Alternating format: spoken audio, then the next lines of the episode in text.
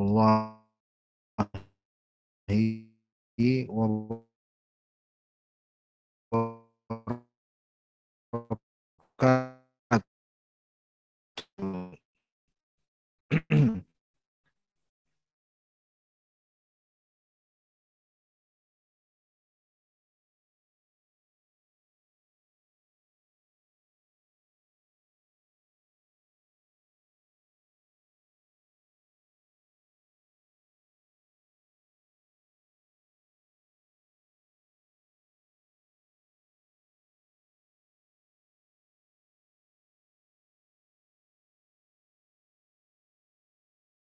Ya, mohon maaf putus tadi ya.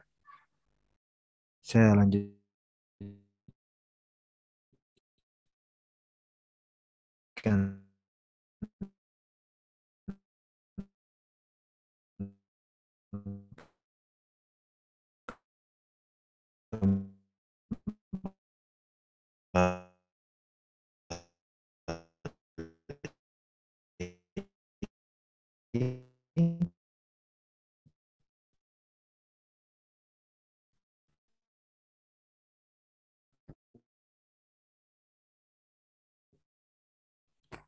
Innalhamdulillah. Qala kita tes,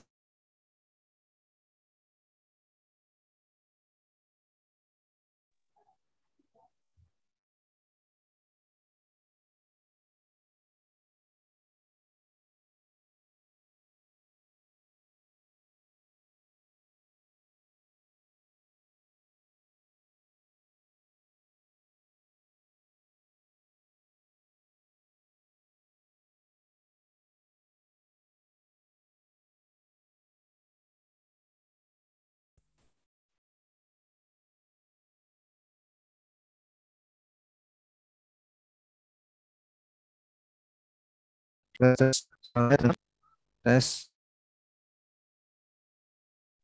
Ya Pak Ustadz. Suara saya kedengaran? Ya, Hadirin? ya. Terdengar Pak. Tapi suaranya putus-putus ya. Kalau saya dengar suaranya Pak Ustadz, ini lagi hilang. Iya, putus-putus. Benar Nurul.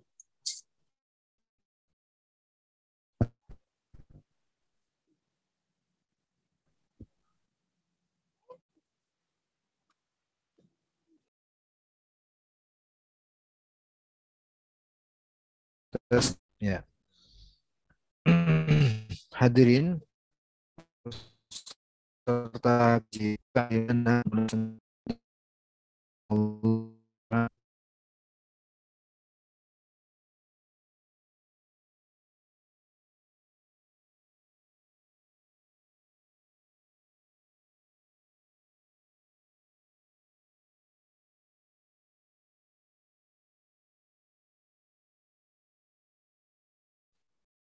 tes tes satu dua.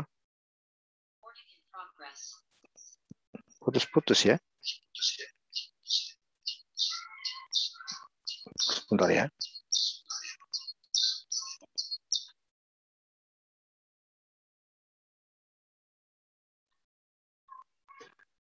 Ya. Suara saya terdengar Bu Hos? Terdengar Pak. ya mohon maaf mungkin sinyalnya tidak stabil. Ya kita akan mulai pembahasan fikih ya menambah warna untuk kajian pekanan keluarga bahagia kita. Selang-seling dengan pembahasan dari kitab Bahjatun Nadirin insyaallah taala.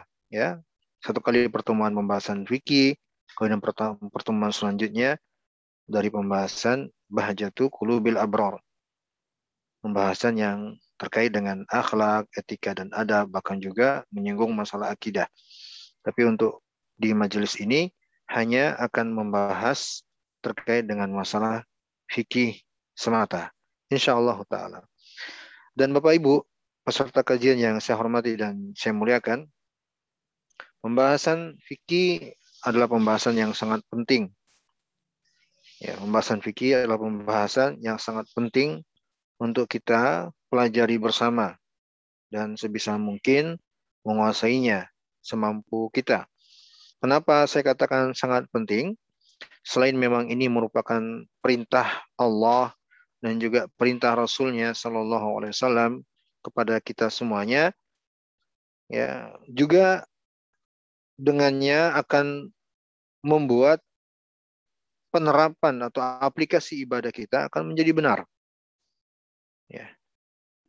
Jadi ada dua hal dalam agama ini secara umum dijadikan sebagai syarat agar ibadah itu diterima. Yang pertama ikhlas. Ini beribadah yang diikhlaskan karena Allah.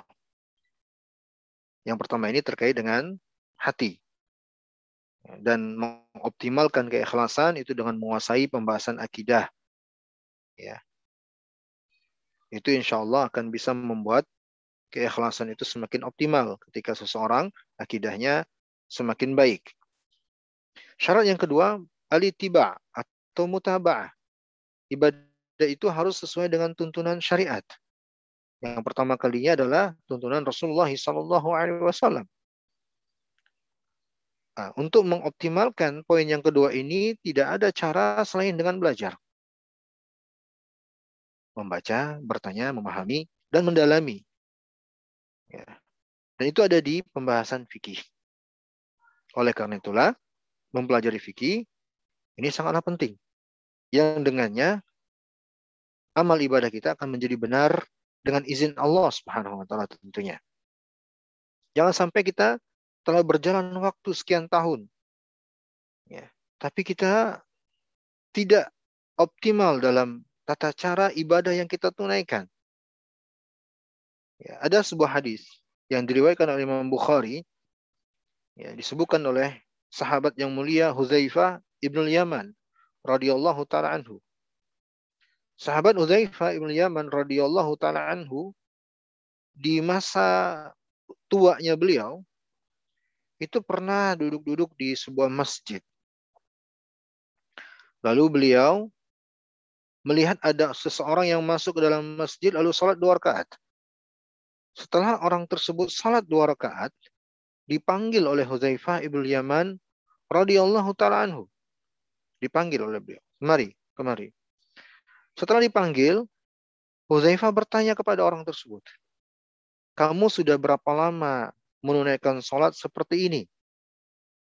Itu pertanyaannya Hudzaifah. Sudah berapa lama kamu sholat seperti ini? Orang tersebut menjawab, ya, sejak arba'ina ama. Ya, kata beliau, kata orang tersebut menjawab pertanyaan Hudzaifah sejak 40 tahun yang lalu. Sejak 40 tahun yang lalu. Kata Uzaifah ibn Yaman radhiyallahu taala ini sahabat Nabi yang mulia. Kalau demikian engkau tidaklah teranggap salat sejak 40 tahun yang lalu, kata Hudzaifah. Ya. Hadirin yang saya hormati, rahimakumullah, para ulama menjelaskan kenapa Hudzaifah menghukumi orang tersebut salatnya tidak diterima selama 40 tahun yang telah dia kerjakan karena salatnya tidak sesuai dengan tuntunan. Ya, maka hadis ini sebenarnya adalah peringatan untuk kita bersama agar betul-betul memperhatikan tata cara ibadah yang kita tunaikan.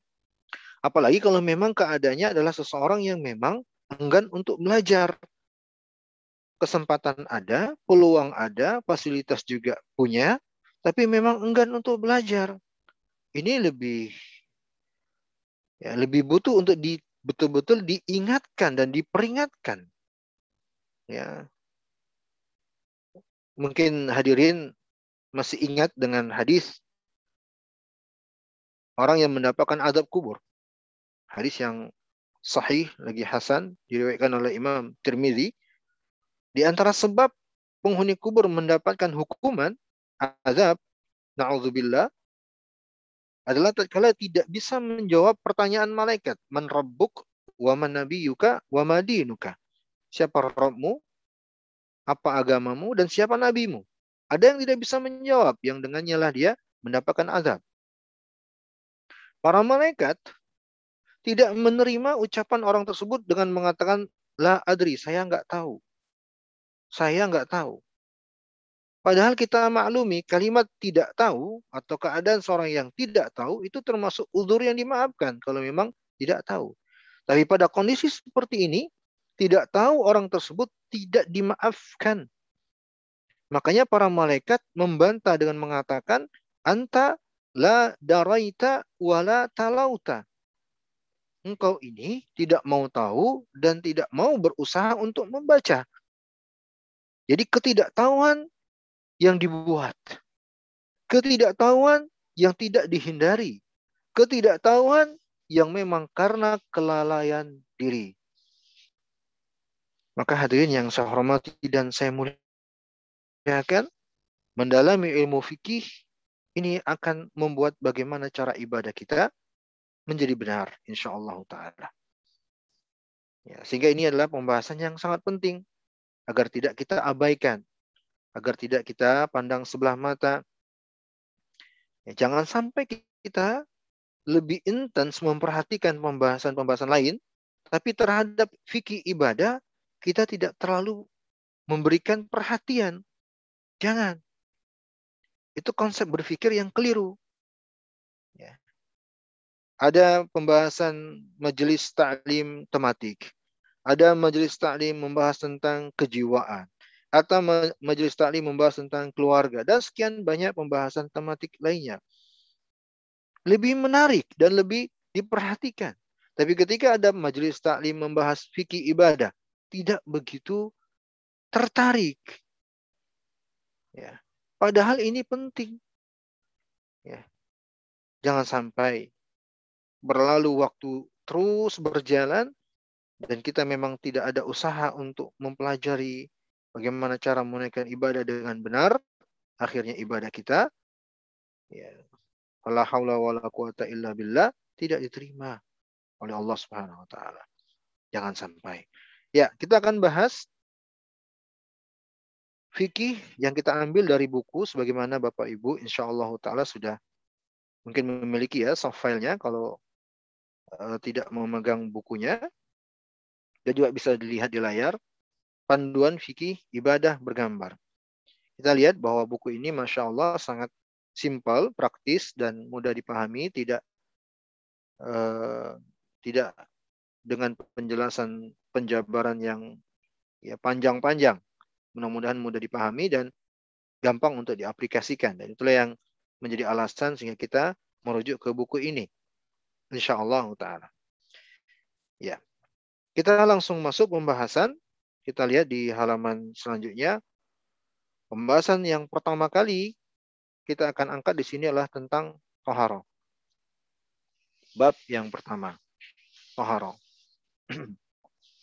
ya. Hadirin yang saya hormati, rahmani wa rahimakumullah, dalam pembahasan toharo, ya, dalam pembahasan tentang toharo ini, ada beberapa sub pembahasan yang akan diangkat. Silakan Bapak Ibu perhatikan bukunya. Dalam pembahasan tohara akan dibahas tentang jenis air. Itu yang pertama. Kemudian akan juga dibahas tentang hukum-hukum najis. Kemudian tentang asar, sisa minum. Ini masih terkait dengan air. Kemudian juga akan dibahas tentang aniyah, hukum bejana terkait dengan bejana. Yang kelima akan dibahas juga tentang hukum-hukum buang hajat. Kemudian yang keenam akan dibahas juga sunnah-sunnah fitrah. Yang ketujuh akan dibahas tentang wudhu ya, dengan komprehensif ya, dari definisi tata cara hukum, syarat-syarat, kewajiban, sunnah, dan yang membatalkannya. Kemudian akan dibahas tentang mengusap khuf dan yang semisal sel dengannya seperti kaos kaki, pembalut tulang, perban, dan plester luka. Kemudian ya juga akan dibahas tentang mandi, tentunya mandi yang dianggap sebagai ibadah. Kemudian juga akan dibahas tentang tayamum, dan yang terakhir akan dibahas tentang haid, istihadah, dan nifas. Inilah 11 sub pembahasan dalam bab tohara. Kita mulai pembahasan pertama yakni tentang tohara dan air. Tohara dan air. Tohara dalam tinjauan definisinya secara etimologi artinya adalah bersuci dan membersihkan diri. Ini makna tohara secara bahasa. Ya, bisa ditandain bukunya supaya lebih eh, kita perhatikan bersama Bapak Ibu. Ya. Kalau secara bahasa, tahara itu artinya bersuci dan membersihkan diri dari kotoran. Itulah tahara secara bahasa. Adapun secara istilah syariat, maka tahara itu adalah menghilangkan hadas dan najis. Ya, kalau mau saya tambahkan sebuah kalimat atau kata, boleh ditambahkan di depannya tohara itu adalah sebuah perbuatan dengan tata cara tertentu dalam rangka menghilangkan hadas atau najis. Dalam rangka menghilangkan hadas atau najis. Itulah tohara secara istilah syariat atau terminologi syariat.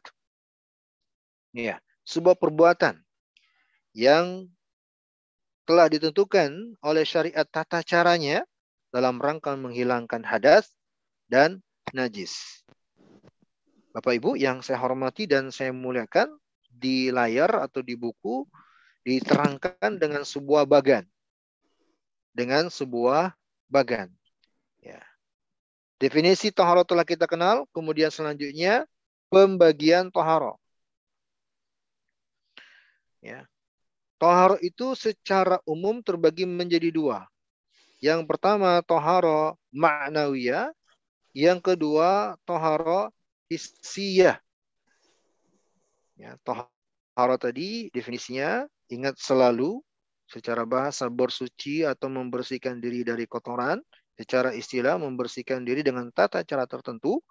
ya Dalam rangka menghilangkan hadas atau najis. Nah, toharo secara umum terbagi menjadi dua. Ada toharo yang disebut dengan maknawiyah, ada toharo yang disebut dengan hissiyah. Apa maknawiyah dan ada hissiyah? Apa itu toharo hissiyah? Akan dijelaskan itu di bawah. Ya. Toharo hissiyah sendiri itu terbagi menjadi dua lagi. Ya, bersuci dari hadas Kemudian yang kedua bersuci dari najis. Ya. Bersuci dari hadas ini terbagi menjadi dua karena hadas memang ada dua. Bersuci dari hadas kecil dan bersuci dari hadas besar. Inilah pembagian pohara. Ya. Nanti akan kita dalami insya Allah. Ya, kita akan jelaskan dengan sistematis bertahap insya Allah. Ya, pertama kita dalami dulu pembagian tohara secara umum tadi. Bahwa tohara itu ada dua. Ada tohara maknawiyah, ada tohara hissiyah. Bersuci secara maknawi, bersuci secara hissiyah. Apa maksudnya? Yang pertama, tohara atau bersuci maknawiyah. Apa maksud tohara maknawiyah? Mari kita perhatikan. Kata penulis, tohara maknawiyah adalah membersihkan hati dari kesyirikan, segala kemaksiatan, dan apa pun yang membuat hati menjadi kotor. Ini tohara maknawiyah. Dengan kata lain, hadirin, tohara maknawiyah itu maksudnya adalah bersuci yang terkait dengan batin kita, hati. Ya, bersuci yang terkait dengan hati kita. Ya, kita bersihkan hati kita dari kotoran-kotorannya. Kotoran hati itu apa? Yang paling buruknya kesyirikan kepada Allah Jalla wa'ala. Yaitu keyakinan-keyakinan yang menyimpang, keyakinan-keyakinan yang ya, sesat, ya, terkait dengan hak Allah Jalla wa'ala, dengan keesaannya dan seterusnya. Kita bersihkan hati kita dari keyakinan-keyakinan yang rusak tersebut. Kita bersihkan hati kita dari penyakit hati yang lain terkait dengan sesama kita. Apakah hasad, iri dengki, dendam, dan seterusnya.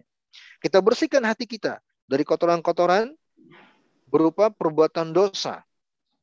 Karena perbuatan dosa itu akan mengotori hati. Maka ini disebut dengan tohara ma'nawiyah.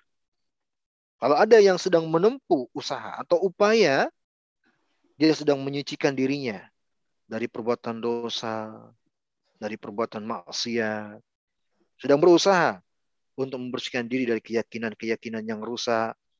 Kalau kita bahasakan dengan bahasa yang telah kita sebut, berarti orang tersebut sedang bertohara maknawiyah. Bertohara maknawiyah. Bersuci secara makna. Ya. Dan tohara ini kata penulis tidak terwujud dengan adanya najis kesyirikan di hati.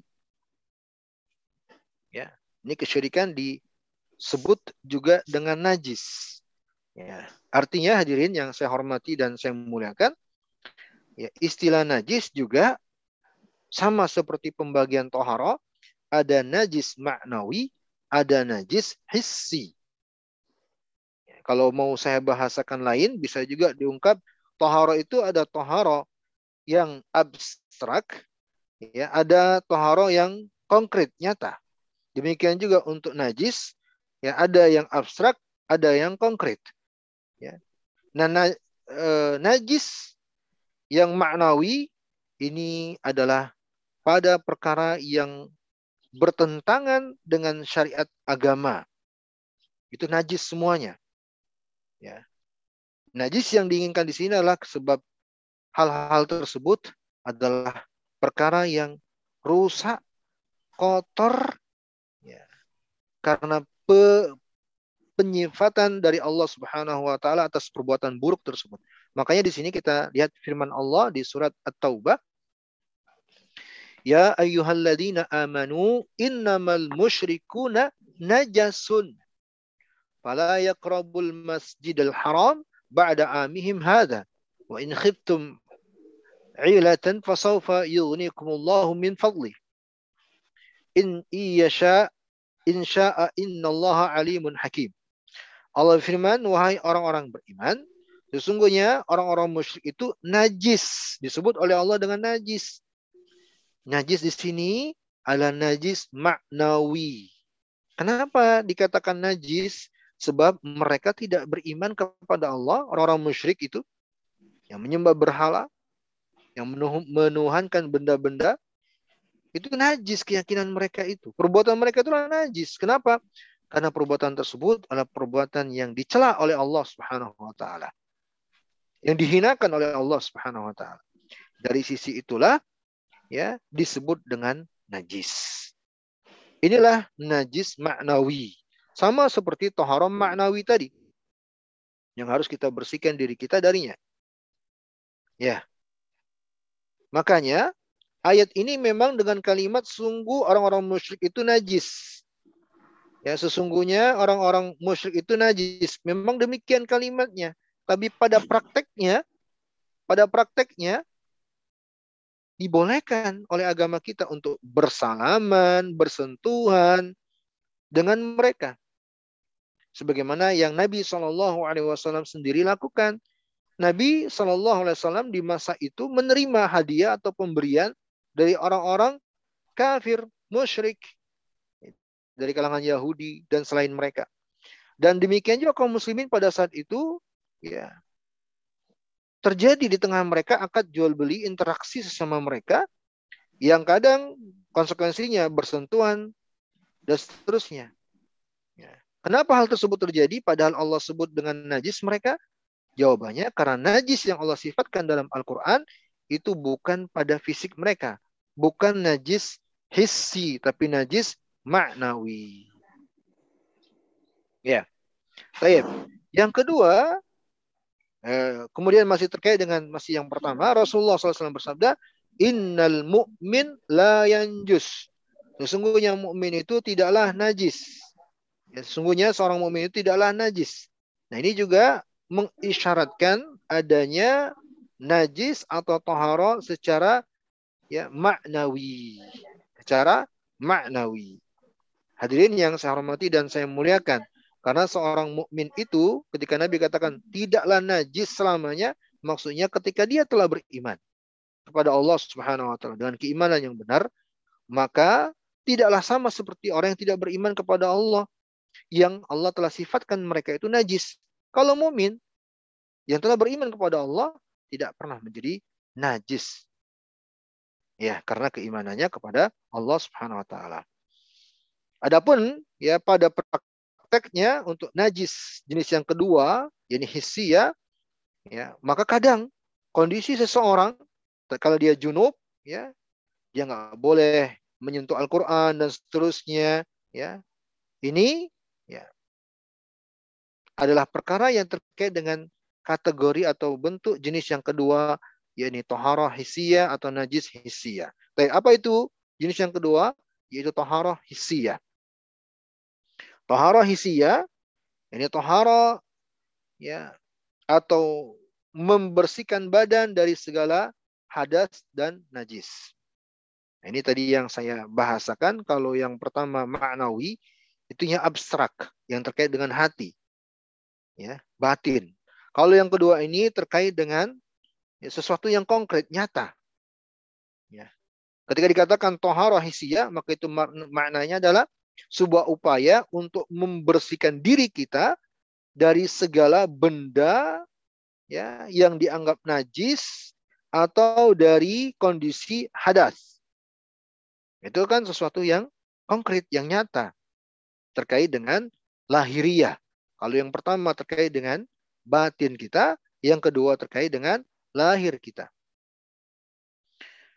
Hadirin yang saya hormati dan saya muliakan, tohara hisia kata penulis terbagi menjadi dua lagi. Ya, bersuci dari hadas. Ya. Untuk hadas kata penulis dijelaskan oleh beliau adalah sesuatu yang mengenai badan seseorang hingga mencegahnya untuk menjalankan ibadah yang mensyaratkan tohara seperti sholat, tawaf di Baitul Haram dan selainnya. Baik. Sebelum saya jelaskan, saya kembali lagi menyinggung poin yang pertama, tohara maknawi.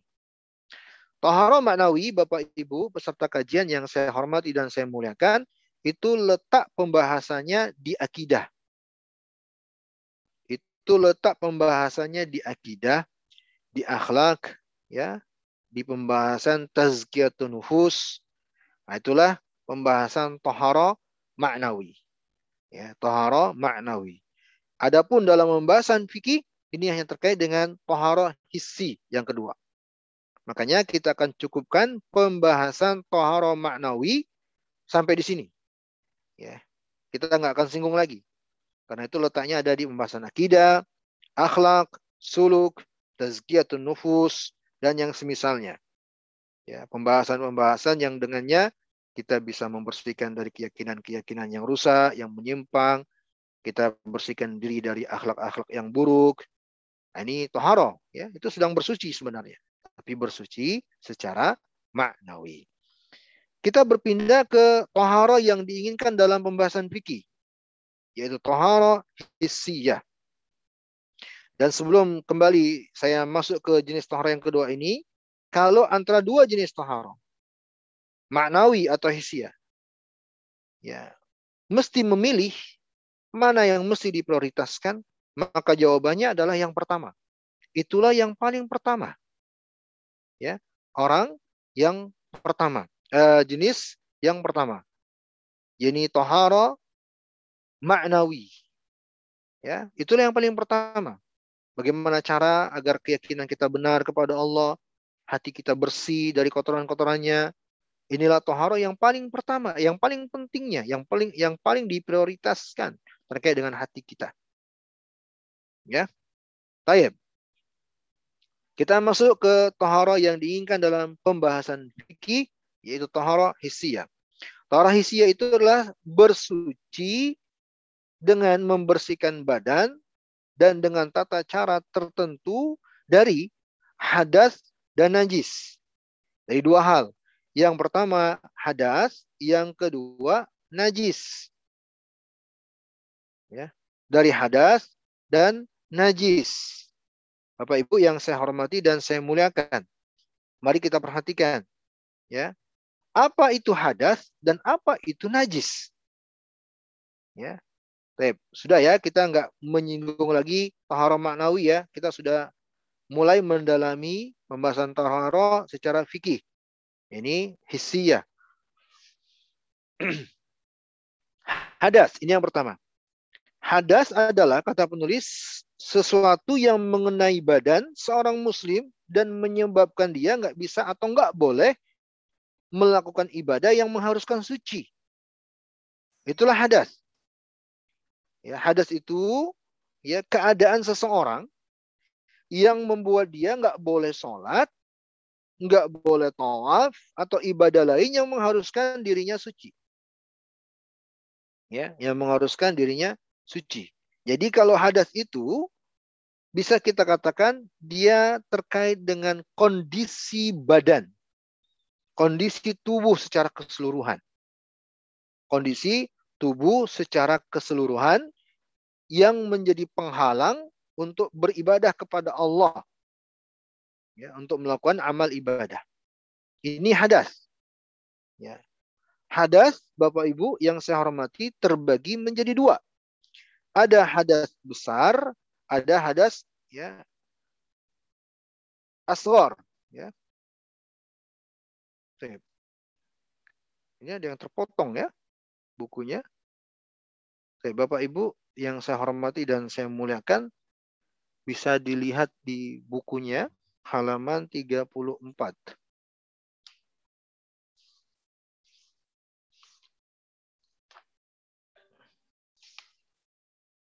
Ya.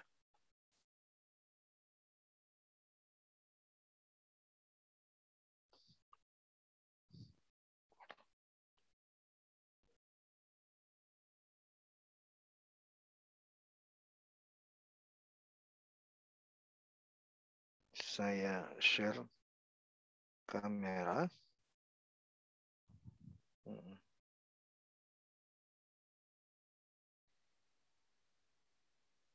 Right.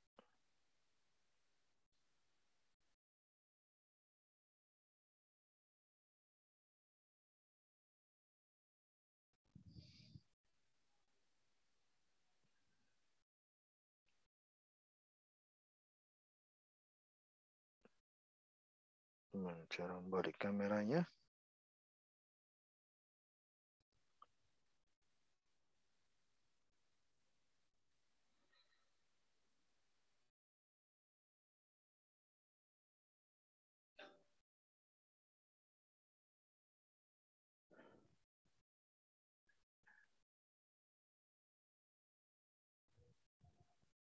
Kok bisa ya?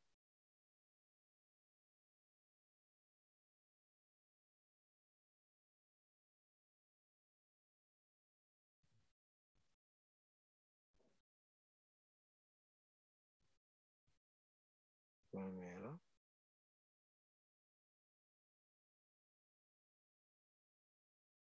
Kok nggak bisa balik kameranya ya? Saya ingin balik ke belakang kameranya.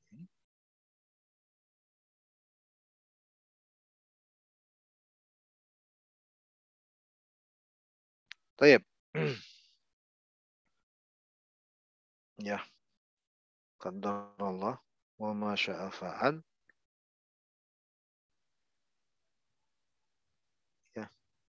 Kepotong bukunya. Mestinya ada halaman 34 35 ya. Halaman 34 35 yang mestinya ada di situ. Bapak Ibu, mudah-mudahan pegang bukunya ya. Pegang bukunya enggak nih para peserta kajian?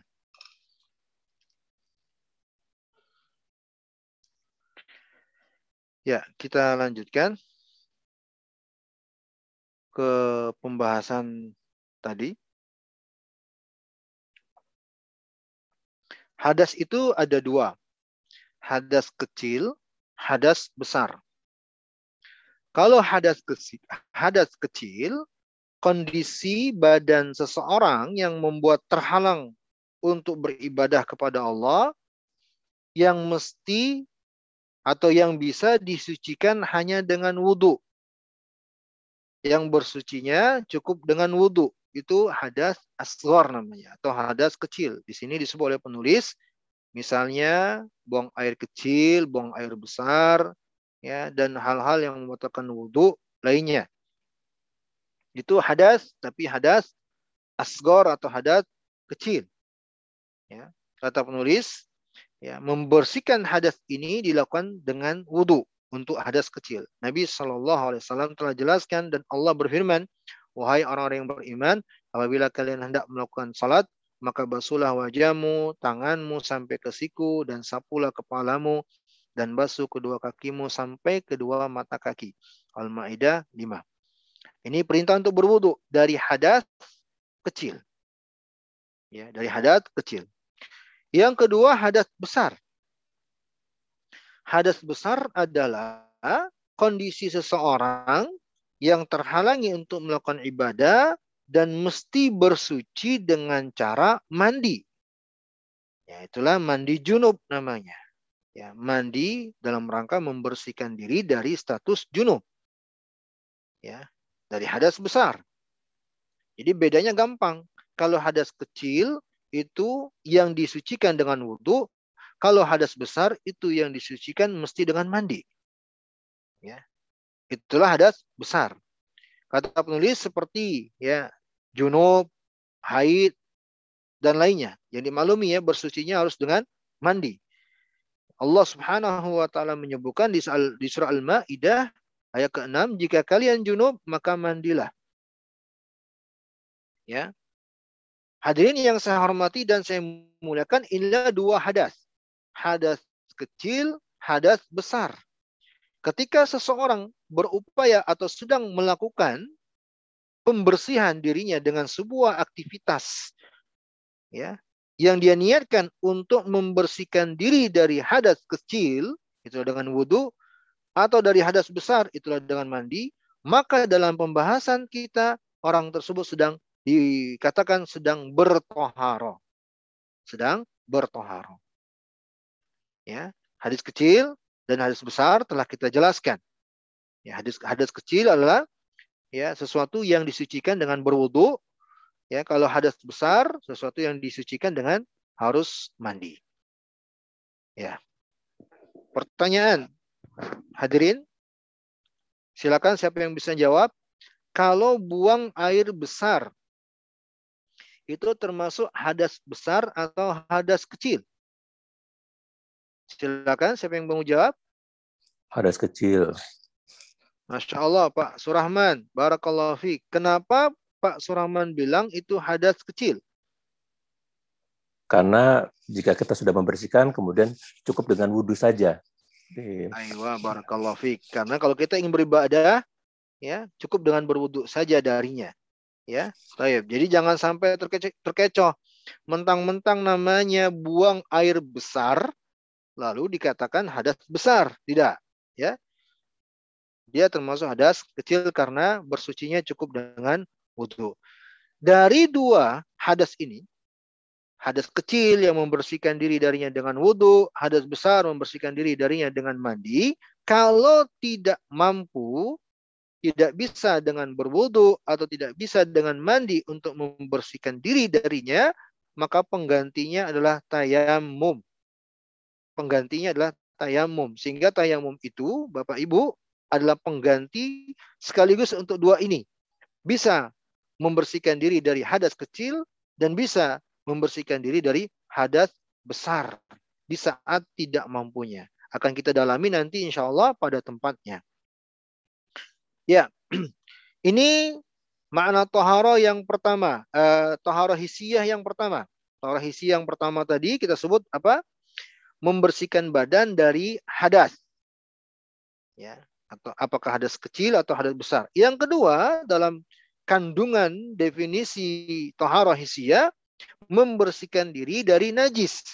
Ini makna yang kedua dari toharo hisiyah. Membersihkan diri dari najis. Kata penulis, bersuci dari najis dilakukan dengan menghilangkan najis dari tiga hal. Yang pertama dari badan, yang kedua pakaian, yang ketiga tempat sekitar kita. Jadi kalau ada najis nih di sekitar kita, pada tiga hal ini kita harus bersihkan. Kita harus hilangkan itu. Ya. Nah, upaya yang kita lakukan tersebut dalam tinjauan pembahasan kita disebut dengan bertoharo. Bertoharo. Tepatnya toharo hisiyah. Ada seorang ibu misalnya membersihkan pakaian anaknya yang ada bekas kotorannya. Berarti ibu itu sedang bertoharo. Toharo hisiyah. Kita sedang membersihkan pakaian kita dari kotoran najis. Toharo hisiyah. Ya. Taib. Nah, untuk jenis-jenis najisnya insya Allah akan dijelaskan pada tempatnya nanti insya Allah. Ya, kata penulis, menghilangkan najis hukumnya wajib harus. Ya, jadi tidak boleh membiarkan ada najis di sekitar kita, khususnya di tiga hal ini: pakaian, tempat, ya, dan badan kita. Jadi Bapak Ibu yang saya hormati dan saya muliakan, ini juga termasuk perkara yang terlihat kebersihan Islam. Agama kita yang rahmat ini. Tidak boleh kita membiarkan ada najis di sekitar kita. Makanya seorang muslim itu kalau benar-benar berusaha menjalankan aturan agama, itu akan terlihat selalu bersih. Akan terlihat pada dirinya selalu bersih, menjaga kebersihan, memperhatikan kebersihan, dan tidak mau dekat-dekat yang kotor. Itulah muslim. Ya. Di sini disinggung ya taharah hisiyah. Salah satunya adalah membersihkan najis. Dari tiga hal, bukan hanya pada dirinya, tapi badannya, pakaiannya, tempat sekitarnya. Kalau dia melihat di tempatnya, tempat duduknya, tempat rumahnya, apalagi, apalagi tempat ibadahnya, harus dia bersihkan. Hukumnya wajib. Kata penulis berdasarkan firman Allah di surat Al-Mudathir ayat keempat. Ya. baka fatahhir dan terhadap pakaianmu bersihkanlah. Ya, Hadirin yang saya hormati, membersihkan diri dari najis ini, sekali lagi saya tekankan, sebagaimana kata penulis, hukumnya wajib. Perhatikan di buku halaman 35, penulis membawakan sebuah hadis. Hadis ini mengandung peringatan agar kita jangan mengabaikan kalau ada najis di sekitar kita. Nabi bersabda, "Aktsaru ada bil qabri minal baul." Ya, kata Nabi, sebagian besar siksa kubur itu akan diberikan atau disebabkan karena air kencing. Artinya apa? Para ulama menjelaskan hadis ini menjelaskan bahwa karena tidak sempurna membersihkan diri dari najis itu bisa menyebabkan mendapat azab kubur wal billah. Ini betul-betul menekankan harus memperhatikan kebersihan diri. Dan dalam sabda yang lain, beliau berkata, "Idza jaa ahadukum ilal masjid falyanzur fa in ra'a fi ni'lai na'laihi qadaran aw adan falyamsahhu wal yusalli fihima."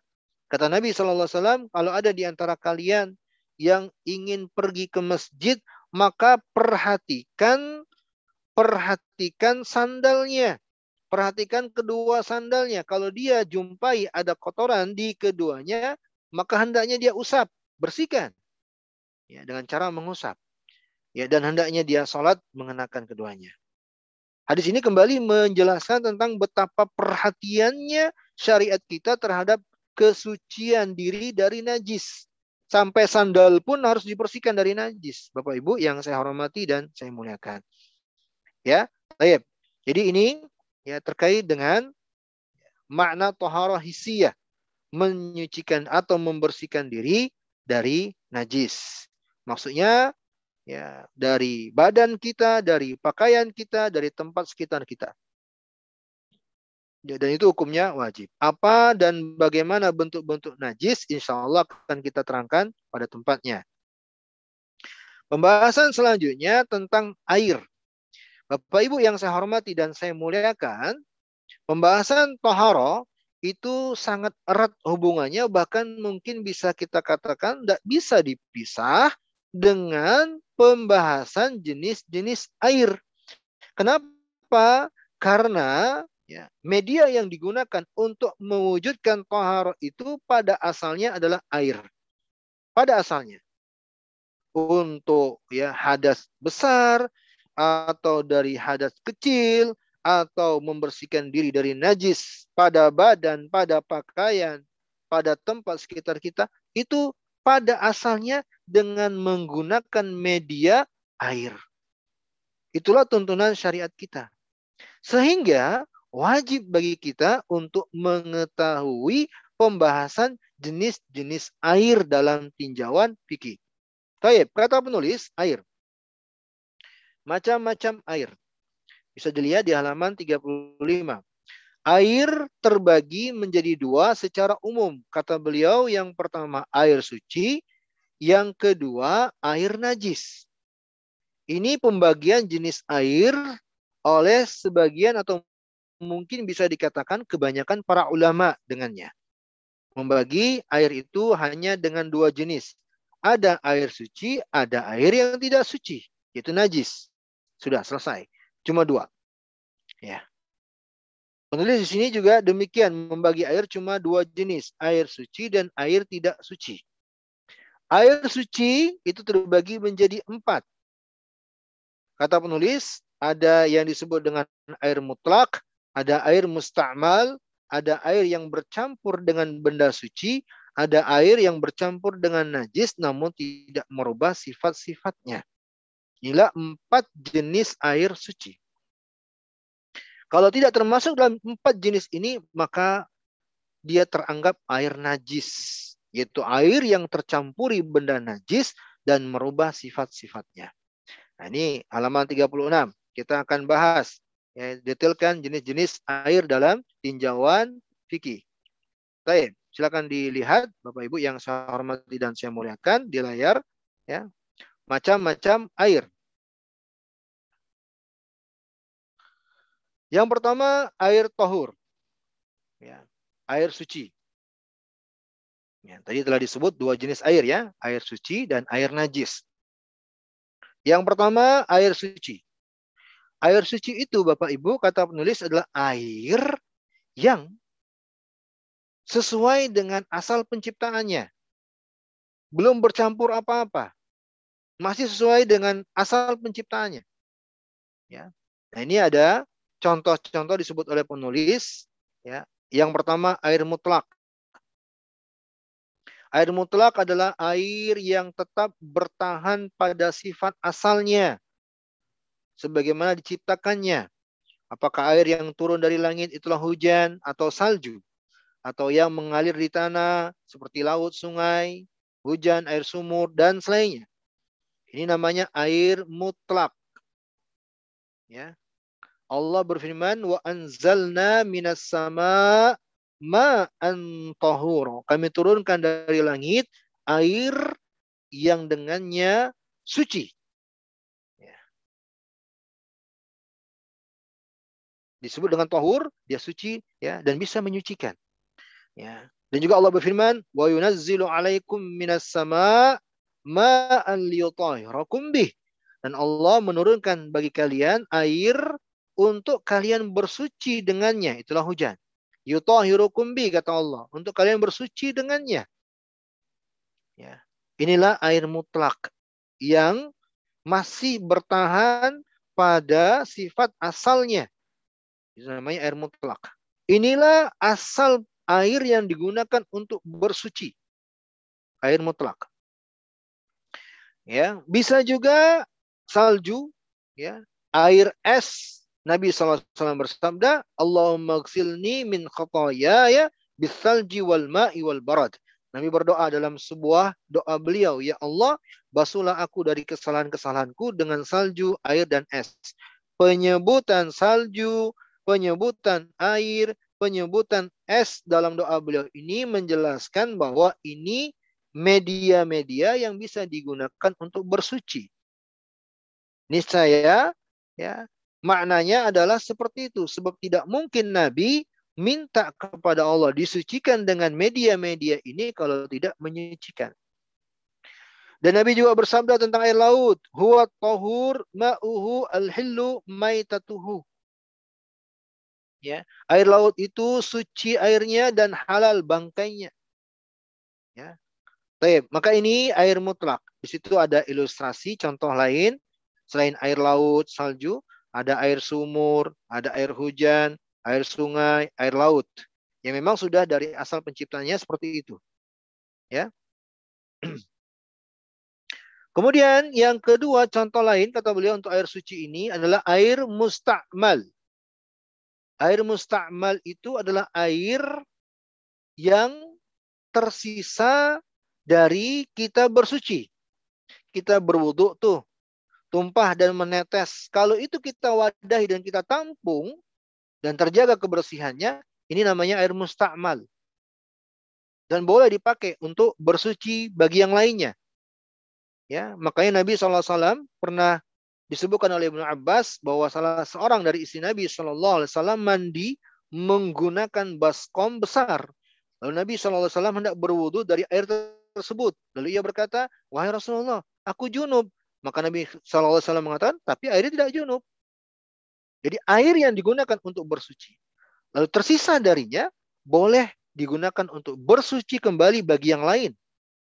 Ya, dan ini Bapak Ibu yang saya hormati, eh, air mustakmal ini sangat dibutuhkan apalagi di kondisi eh, kemarau, ya, apalagi di tempat-tempat yang membutuhkan air, susah air. Ya, di beberapa pondok pesantren kita jumpai seperti itu. Jadi sisa air berwudu itu ditampung kembali, ya, untuk berwudu bagi yang lain. Dan itu dibolehkan. Inilah disebut dengan air mustakmal namanya air yang telah digunakan, sisa dari air yang telah digunakan. Yang ketiga, air yang bercampur dengan benda-benda suci dan bersih. Ya, air bercampur dengan pohon, tercampur dengan tanah, ya, atau karatan yang ada pada besi dan seterusnya yang ada di ya apa namanya selang dan seterusnya. Sehingga merubah warnanya segala macam ya. Bapak Ibu yang saya hormati dan saya muliakan air yang tercampuri dengan benda-benda suci ini juga termasuk air suci selama tidak mengangkat namanya atau tidak merubah namanya atau dengan batasan lain disebut oleh para ulama selama tidak mendominasi yang mencampuri tersebut. Ya, Nabi pernah perintahkan mandikan ya, jenazah tersebut dua, uh, tiga kali atau lima kali atau lebih banyak jika kalian butuh dengan air dan dicampur dengan daun bidara. Ini air yang dicampur dengan daun bidara sehingga ya dipahami darinya kalau air dicampur dengan benda suci boleh-boleh saja dan masih suci. Ya, dengan syarat tadi ya selagi air tersebut masih bernama air belum berubah namanya kepada yang mencampuri atau tidak didominasi oleh yang mencampuri. Ya. Kalau telah berubah, maka tidak bisa dikatakan sebagai air suci dan menyucikan lagi. Tidak bisa menyucikan. Ya. Namanya masih air suci tapi tidak menyucikan. Nanti insya Allah akan saya singgung tentang kategori yang ini. Kita lanjutkan terlebih dahulu di buku halaman 38. Ya, ini ada air yang bercampur dengan tanah, ada air yang bercampur dengan dedaunan, dan ini ada air yang bercampur dengan karat ya dari tempat-tempat penampungan air. Taib. Jadi ini kategori selanjutnya dari air suci yaitu air yang tercampuri benda-benda suci dan belum berubah nama dan tidak mendominasi yang mencampurinya tersebut. Yang keempat, air yang bercampur benda najis tapi tidak merubah air tersebut pada tiga halnya. Bau, rasa, atau warna. Ini yang keempat. Kalau demikian yang terjadi, maka air tersebut masih teranggap sebagai air suci. Ya. Benda yang di, air yang dicampuri benda tercampuri benda najis. Tapi tidak merubah bau, rasa atau warna air tersebut, maka airnya masih suci dan bisa menyucikan. Makanya Nabi pernah bersabda, "Innal ma tahurun la yunajjisuhu syai." Air itu suci dan tidak membuatnya najis apa pun kalau memang tidak berubah. Ya. Oleh karena itulah para ulama sepakat ya bahwa perubahan air dengan najis yang dicampurinya kalau memang tidak menyebabkan berubah pada tiga hal, apakah warna, bau, dan rasanya, maka selamanya air tersebut suci dan bisa menyucikan yang lain. Ya. Di sini disebut oleh penulis. Maksudnya orang-orang biasa membuang kotoran misalnya di sumur, ada kotorannya di situ, ya. Dan kotoran tersebut terbawa ke dalam sumur karena aliran air hujan. Tapi karena volume air sumur lebih banyak, kotoran tersebut tidak pengaruh. Ya, najis-najis tersebut tidak mempengaruhi sehingga sifatnya tidak berubah. Ya, maka ini masih dikatakan sebagai air suci dan bisa dipakai untuk bersuci. Kemudian kategori yang terakhir yaitu air najis. Kalau tadi kategori air suci dengan empat jenisnya, sekarang kita masuk jenis yang kedua yaitu air najis. Air najis gampang, yaitu air yang tercampuri benda najis lalu berubah pada tiga sifatnya. Apakah baunya, rasa, atau warna. Kalau berubah salah satu dari tiga hal ini, maka ini disebut dengan air najis tidak boleh dipakai untuk bersuci. Kata penulis ini berdasarkan ijma dan tidak boleh dipergunakan. Ya, tidak boleh dipergunakan apalagi untuk bersuci. Silakan digunakan untuk yang lain apakah menyiram bunga dan selainnya.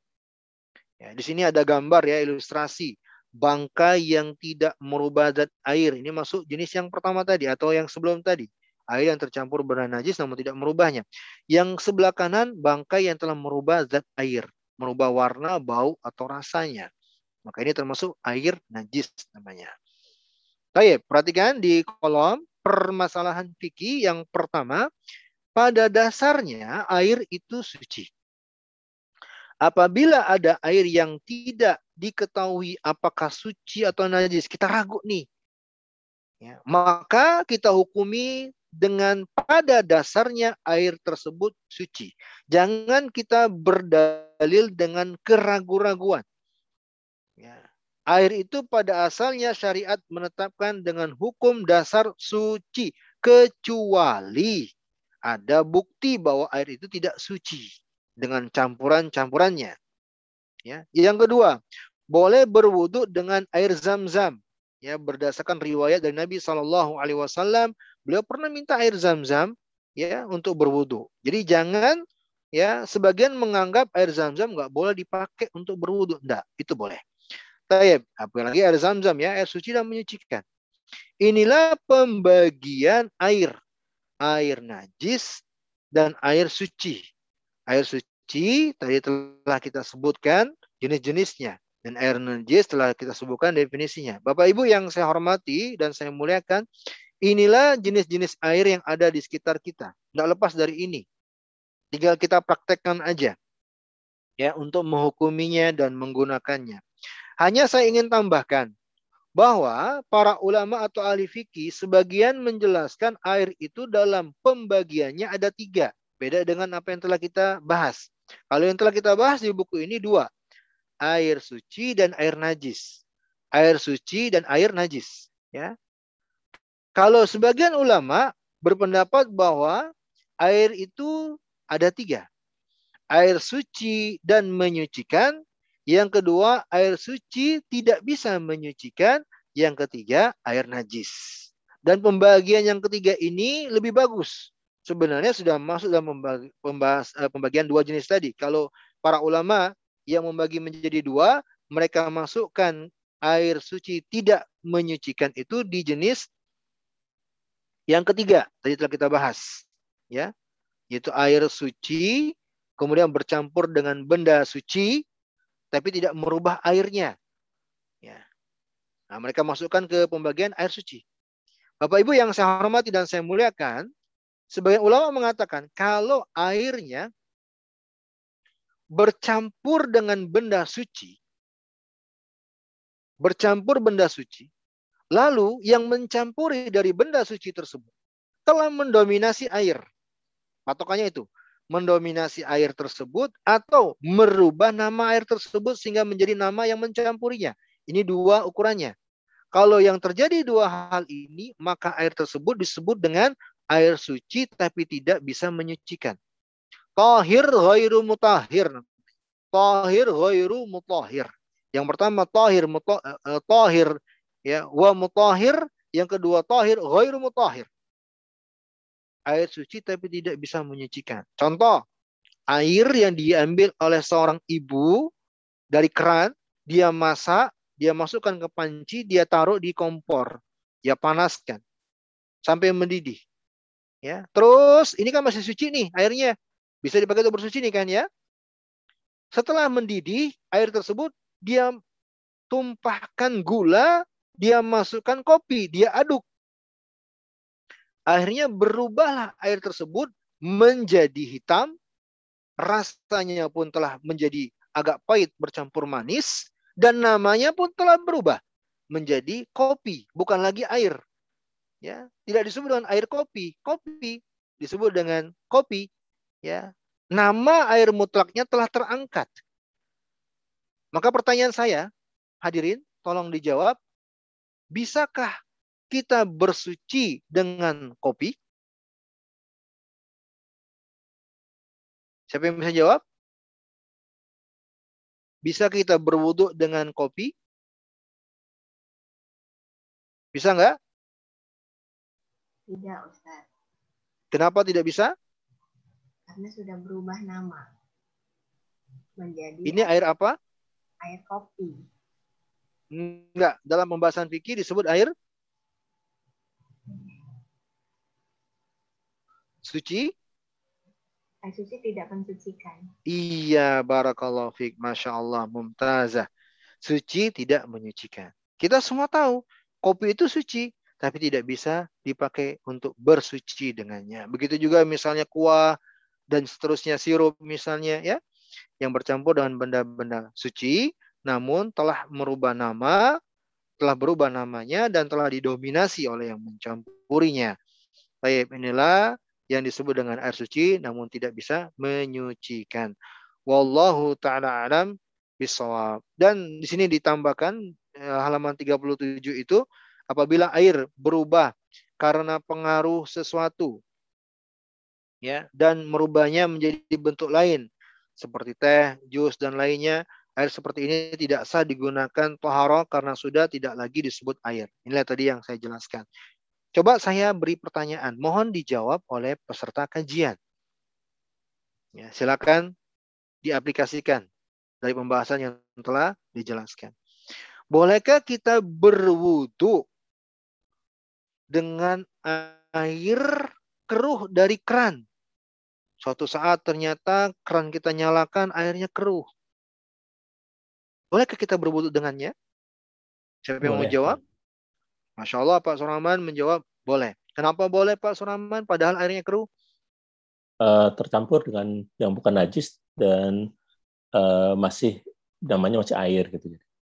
Aywa, Masya Allah, Barakallah Fik. Jawabannya mumtaz. Ya luar biasa.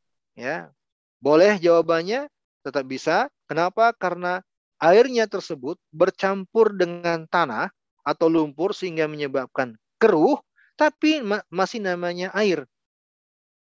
Ya tidak mendominasi dan namanya tetap air. Begitu juga ya berlaku pada sungai misalnya atau kita lagi singgah di sebuah tempat rawa-rawa itu air. Ya berwudhu dengannya boleh tidak? Boleh saja karena dicampuri dengan benda-benda suci seperti tanah atau lumpur itu semua suci dan belum berubah namanya. Ya. Jadi bedakan ya Bapak Ibu yang saya hormati dan saya muliakan ya untuk pencampuran air dengan benda lain bedakan yang mencampurinya ini apa? Kalau yang mencampurinya ini benda suci, maka mengukurnya dengan dua hal apakah telah berubah namanya atau telah mendominasi. Ini dua ukurannya. Kalau yang mencampurinya adalah benda najis, maka ukurannya tiga. Apakah berubah warnanya, rasanya, atau baunya. Itu yang dilihat. Jadi ya tidak beda ya, tidak sama ya dengan ukuran kalau yang mencampurinya benda suci. Ya kalau yang yang mencampuri air itulah benda suci, kita tidak mengukur dengan tiga tadi. Jadi jangan menjawab uh, kalau belum berubah bau warna rasa enggak bukan itu ukurannya. Ukuran ini untuk pencampuran air dengan benda najis. Wallahu taala alam bisawab. Demikianlah pembahasan tentang jenis-jenis air dalam perspektif fikih dalam pembahasan fikih. Ya mohon maaf atas segala kesalahan dan kekurangan dan mohon maaf sekiranya membuat Bapak Ibu agak sedikit uh, ya mungkin butuh memperhatikan ya karena pembahasan fikih memang banyak narasinya. Yang mudah-mudahan Allah berikan kemudahan untuk bisa memahami dan saya akan berusaha insya Allah di pertemuan selanjutnya untuk meringkaskan pembahasan insya Allah taala. Kita cukupkan kajian kita pada pagi hari ini sampai di sini. Mudah-mudahan Allah berikan manfaat. Mohon maaf atas segala kekurangan. Naktafi bihadal qadar.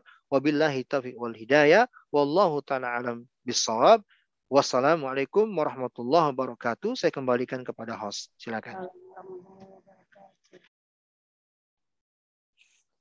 Alhamdulillahirrahmanirrahim. Jazakallah khairan Ustadz telah memberikan tausiahnya buat kita. Teman-teman sekalian, jadi hari ini kita tadi mungkin harus menyadarkan kembali bahwa mempelajari fikih adalah suatu hal yang penting yang mungkin kita selama ini agak meremehkan atau bukan meremehkan sih kurang tertarik ya tapi ternyata ada hal yang penting.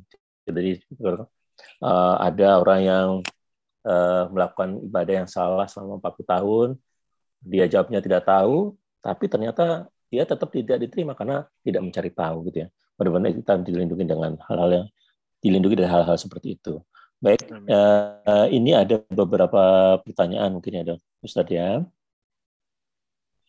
Uh, dari Ibu Titi Wijaningsih ya. Izin bertanya lagi Ustadz, apakah kita sah berwudu di kamar mandi sementara kita tidak boleh membaca doa di kamar mandi? Oh, sebelumnya ada lagi pertanyaan dari Ibu Titi nih. Assalamualaikum Ustadz. Izin bertanya tentang orang musyrik masuk ke dalam golongan najis atau kotor jiwa.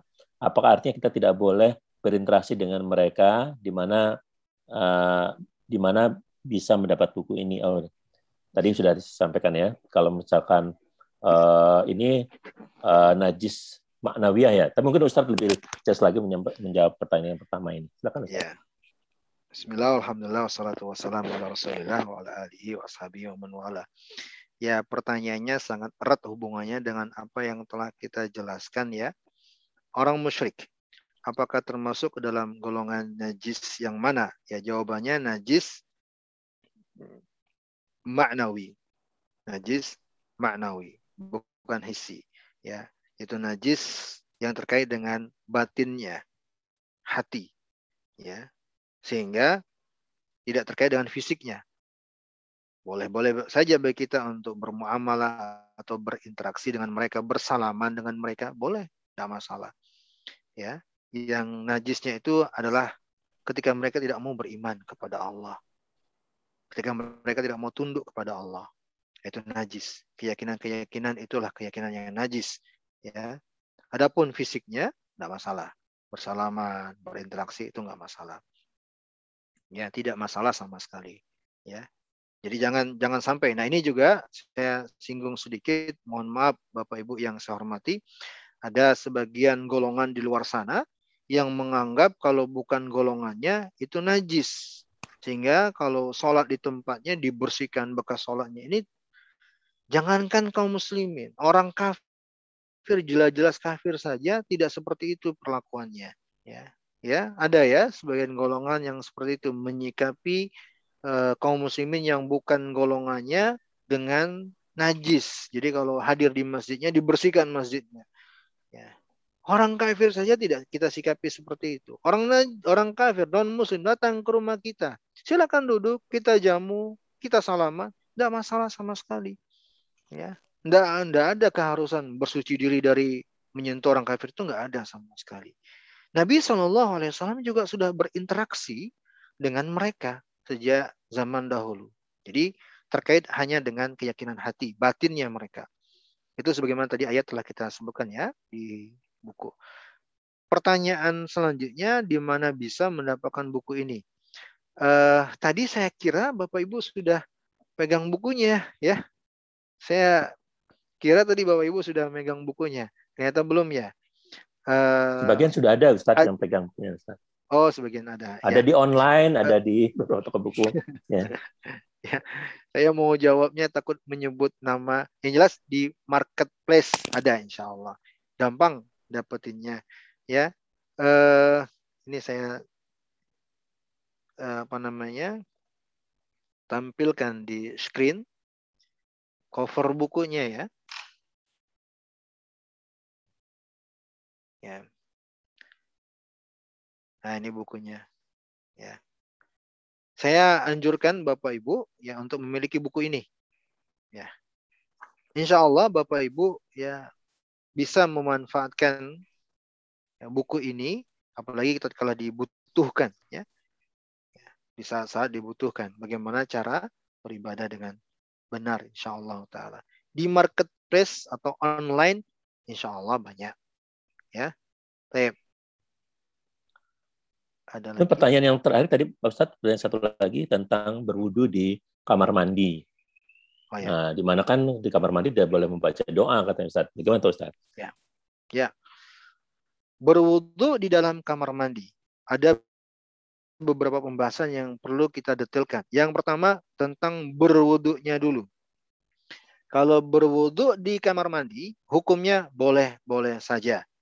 Ya, tidak ada larangan berwudunya di kamar mandi selagi memang bisa dipastikan tidak terkena najis ya tidak ada najis yang terinjak atau tersentuh dalam kamar mandi. Ya jadi berwuduknya tidak tidak masalah ya di kamar mandi atau di tempat yang lain ya. Karena tempat itu hanya ya sekedar fasilitasnya saja. Ya kalau dibutuhkan memang dan tidak ada najis maka tidak mengapa. Ini yang pertama tentang berwuduknya boleh boleh saja yang kedua terkait dengan doanya, dikir atau doa sebelum dan setelah wudhu. Nah kalau berwudhunya di kamar mandi, memang ini akan ada sedikit masalah. Ya, akan sedikit ada masalah. Kita tentunya akan berpikir kan tidak boleh katanya berzikir di dalam kamar mandi. Ya. Nah terkait dengan hal ini ada rinciannya lagi. Kalau kita menguatkan bahwa zikir sebelum dan setelah wudhu itu hukumnya sunnah bukan sebuah keharusan, maka tidak mengapa. Jadi dalam praktek wudhu itu Bapak Ibu yang saya hormati dan saya muliakan, ada syarat, ada rukunnya, dan ada wajib-wajibnya, dan ada juga sunnah-sunnahnya. Penyempurna wudhu, termasuk zikir sebelum dan setelah wudhu itu bukan rukun, bukan juga syarat. Artinya kalau ada seseorang yang terlupakan darinya, tidaklah merusak keabsahan wudhunya. Tidak mengapa. Tanpa baca awal ya dan juga doa setelahnya. Kalau yang menguatkan pendapat membaca bismillah di awal wudhunya wajib. Ya, karena memang kan ada perbedaan pendapat di sini menguatkan wajib membaca bismillah sebelum berwudhu. Nah inilah baru perlunya disiasati. Saya katakan disiasati. Bagaimana cara mensiasatinya kalau memang butuh untuk berwudhu di kamar mandi? Caranya adalah baca bismillah dan baca doa setelah wudhu di luar kamar mandi. Sebelum masuk, bacalah bismillah tersebut untuk wudhu niatnya dan juga doa masuk kamar mandi. Ya, dan nanti setelah wudhu selesai, keluar kamar mandi, baru baca doanya. Jadi tidak dilakukan di dalam kamar mandi. Kalau lupa, ya ini rincian selanjutnya. Kalau lupa Ustadz, bagaimana? Telah di kamar mandi, baru ingat. Baca doa sebelum wudhu tadi, baca bismillah. Ya. Maka silakan dibaca, tapi jangan dilafazkan cukup di dalam hati, jangan dengan menggerakkan lisan. Tapi cukup dalam hati. Bismillah dalam hati. Dan itu pun teranggap dibolehkan dan sah.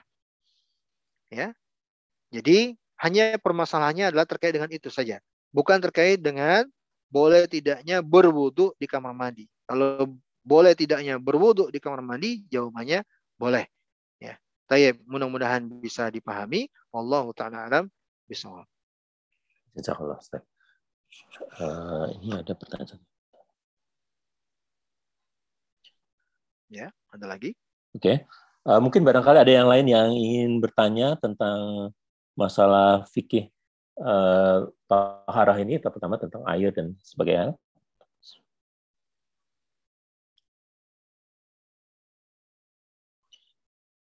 Nah, ini ada pertanyaan lagi nih dari kemarin anak saya, saya kurang bisa jawab. Kalau misalkan kita sehabis mandi gitu kan, Ustaz, belum memakai pakaian selayak, boleh nggak kita berwudu gitu Ustaz? Apa harus pakai pakaian uh, yang sopan dulu baru berwudu? Ini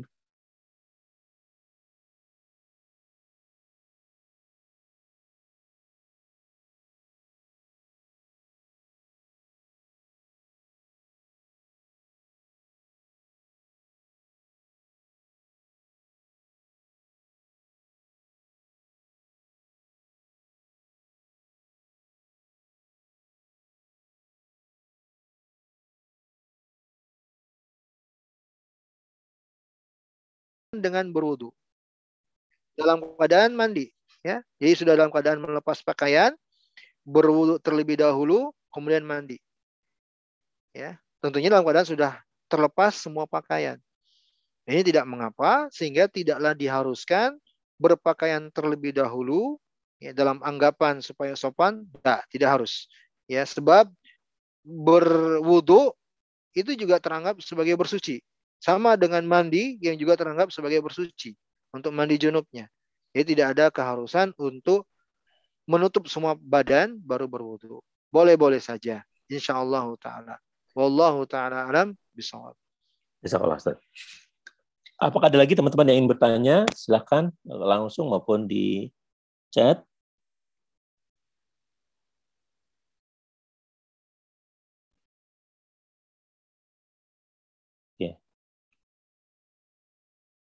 Kelihatannya tidak ada lagi yang bertanya Ustadz mungkin ya. Jadi mungkin ya. kita bisa akhiri pertemuan kali ini Ustadz ya. Ya. Mari uh, uh, saya ucapkan terima kasih jazakallah khairan untuk Ustadz. Saya ucapkan terima kasih juga untuk teman-teman yang bisa hadir dalam kajian kita hari ini. Wal khusus kepada teman-teman dari Rumah Sakit Permata yang selalu memberikan fasilitas kita untuk Zoom ini. Mudah-mudahan Allah Subhanahu wa taala membalas budi baiknya dengan balasan yang berlipat ganda. Baik, marilah kita tutup uh, pertemuan kita kali ini dengan doa kafaratul masjid. Subhanakallah wa bihamdika asyhadu la ilaha anta astaghfiruka wa atubu ilaik. Wassalamualaikum warahmatullahi wabarakatuh. Waalaikumsalam warahmatullahi wabarakatuh. Waalaikumsalam warahmatullahi wabarakatuh.